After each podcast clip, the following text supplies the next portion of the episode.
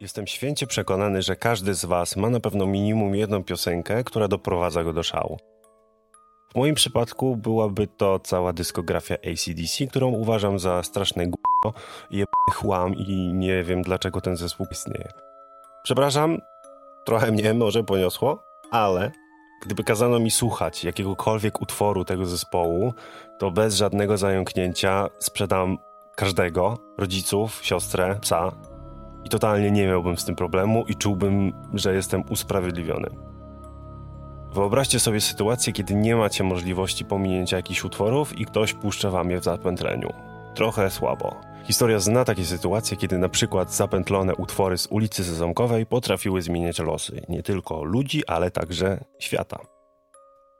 Ja nazywam się Marcin Zakrzewski, a w dzisiejszym podcaście Not Only Sounds przedstawię Wam niekonwencjonalne sposoby tortur związane z muzyką. Serdecznie zapraszam do pozostawienia subskrypcji i komentarza, w którym na przykład możecie napisać tytuł utworu, którego zapętlenie byłoby dla Was ogromną karą. Wszystko to po to, aby odczarować algorytmy, które póki co nie są dla mnie łaskawe, a dzięki temu też będziecie na bieżąco z każdym odcinkiem. Bardzo dziękuję i zapraszam do słuchania. Istnieje takie pojęcie jak tortury muzyczne i choć niektóre osoby, które je praktykują, twierdzą, że ten precedens nie powinien być uznawany jako znęcanie się, nie ma na pewno wątpliwości, że ta praktyka działa i osiąga naprawdę spore rezultaty. W Boże Narodzenie w 1989 roku panamski dyktator generał Manuel Noriega stał się jednym z najbardziej znanych ofiar tej niekonwencjonalnej metody. Represyjny przywódca wojskowy zaszył się w ambasadzie Watykanu w Panamie po tym jak George Bush najechał jego kraj. Noriega stanął w obliczu amerykańskiego aktu oskarżenia o handel narkotykami oraz podejrzewano, że sfałszował wybory. Ambasada była otoczona przez żołnierzy amerykańskich, jednakże przywódca nie chciał się poddać. Armia zdecydowała się na wojnę psychologiczną, co w praktyce oznacza, że bez przerwy wypuszczano w jego kierunku bomby z muzyką. Flota opancerzonych samochodów z zamontowanymi głośnikami wtoczyła się do środka ambasady i zaczęła swoją imprezę. Z tej okazji została stworzona specjalna playlista.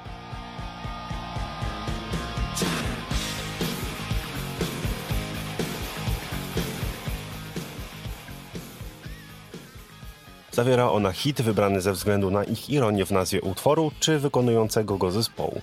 Między innymi został puszczony utwór I Fought the Loud The Clash, kawałek Panama bandu Van Halen, All I Want Is You grupy U2 czy Welcome to the Jungle zespołu Guns N' Roses. Generał, o którym mówiono, że jest miłośnikiem opery, 3 stycznia poddał się i oddał w ręce Amerykanów.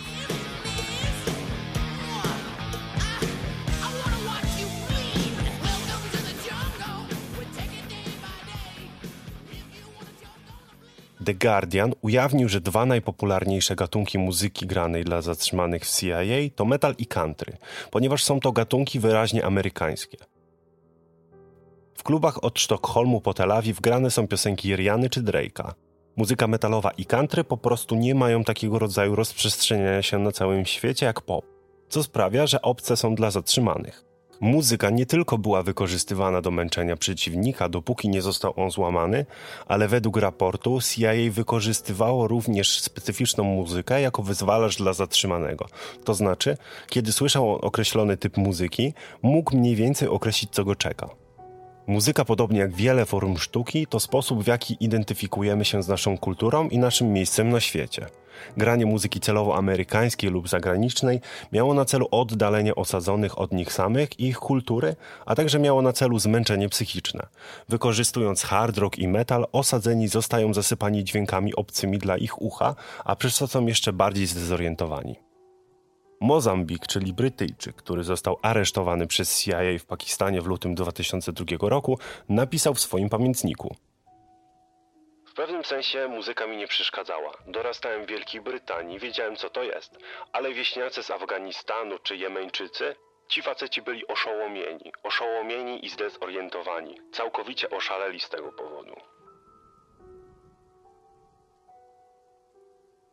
Mówił też, że oprawcy używali czegoś, co zostało nazwane daremną muzyką, czyli utworów generycznych, powtarzalnych i optymistycznych, dzięki czemu prześladowani nawet nie byli w stanie nazwać tego torturami. No bo jak nazwać słuchanie piosenek o miłości czymś złym?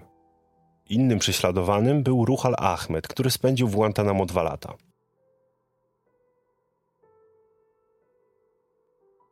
Gdy mówię ludziom, że muzyka może być torturą, patrzą na mnie i myślą, że brak mi piątej klepki. Jak sztuka dająca tyle radości może być torturą? Ale tak jest. Zwykłe tortury można przytrzymać, muzyki nie. Przyznawałem się do wszystkiego, czego ode mnie żądano, że znam Bin Ladena i Mue Omara, że wiem co planują, wszystko, byle to tylko się skończyło. Oprócz Eminema, piosenek ACDC czy Metaliki, wielokrotnie musiał słuchać ulicy Sezamkowej z ekstremalną głośnością. Działacze uważają, że te techniki są nadal używane w czarnych więzieniach na całym świecie w celu wywołania zaburzeń snu, przedłużenia dezorientacji zatrzymanych oraz zagłuszania krzyków. Efekt tej techniki łamania umysłu i ducha mężczyzny były tak silne, że Ruchal nie może słuchać muzyki, a jeżeli słyszy utwór, który był używany do torturowania go, przeżywa przerażające retrospekcje. Historycznie pionierami muzycznego sadyzmu byli naziści.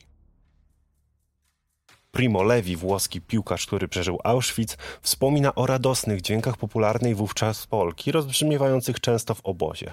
To groteskowe połączenie wesołej muzyki i obozowego horroru było drwiną z cierpienia. Miało dodatkowo upokarzać i niszczyć ducha, tak jak krematoria niszczyły ciało. Od otwarcia pierwszych obozów w 1933 roku na rozkaz komendantów powstawały małe zespoły instrumentalne, a później orkiestry, których celem było przede wszystkim utylitarne wykonywanie marszów i pieśni ułatwiających synchronizację kroków i liczenie więźniów podczas ich wyjazdu z obozu. Ta muzyka koordynacji była grana lub śpiewana rano i wieczorem. Użyto repertuaru popularnych pieśni gromadzonych od końca XVIII wieku i konstruowanych dla niemieckiej tożsamości narodowej. Wszyscy osadzeni, bez względu na narodowość, po przybyciu do obozu musieli przyswoić sobie ten repertuar i głośno śpiewać pod groźbą pobicia. W samych obozach także rozbrzmiewała muzyka, przede wszystkim po to, by karać i towarzyszyć egzekucjom. Do śpiewania często wykonywano pewne rodzaje prac przymusowych. O ile nie było to samo w sobie torturą, to karna muzyka pogłębiała jednak zadawane cierpienia, otępiała sumienie i zaszczepiła dobitny rytm, który umożliwiał automatyzację pracy. Fakt, że ludzie musieli śpiewać na całe gardło bez możliwości przerwy, wyczerpywały więźniów i obniżały ich produktywność. W przypadku kar lub egzekucji przy akompaniamencie muzyki zwracano uwagę na teksty piosenek, by stworzyć upokarzające sytuacje. Na przykład w lipcu 1942 roku po nieudanej ucieczce z obozu Hansowi Bonarewiczowi towarzyszyła przy egzekucji piosenka, która w polskim tłumaczeniu brzmi Zawsze będę czekać na twój powrót. W Sonnenburgu komunistyczni więźniowie byli zmuszani do kupania rowów podczas śpiewania międzynarodówki. Oprócz niszczycielskiego fizycznego wpływu muzyki karnej, teksty stały się także prawdziwym źródłem traumy i cierpienia psychicznego, a wybrany repertuar muzyczny doprowadzał do prawdziwego męczeństwa więźniów.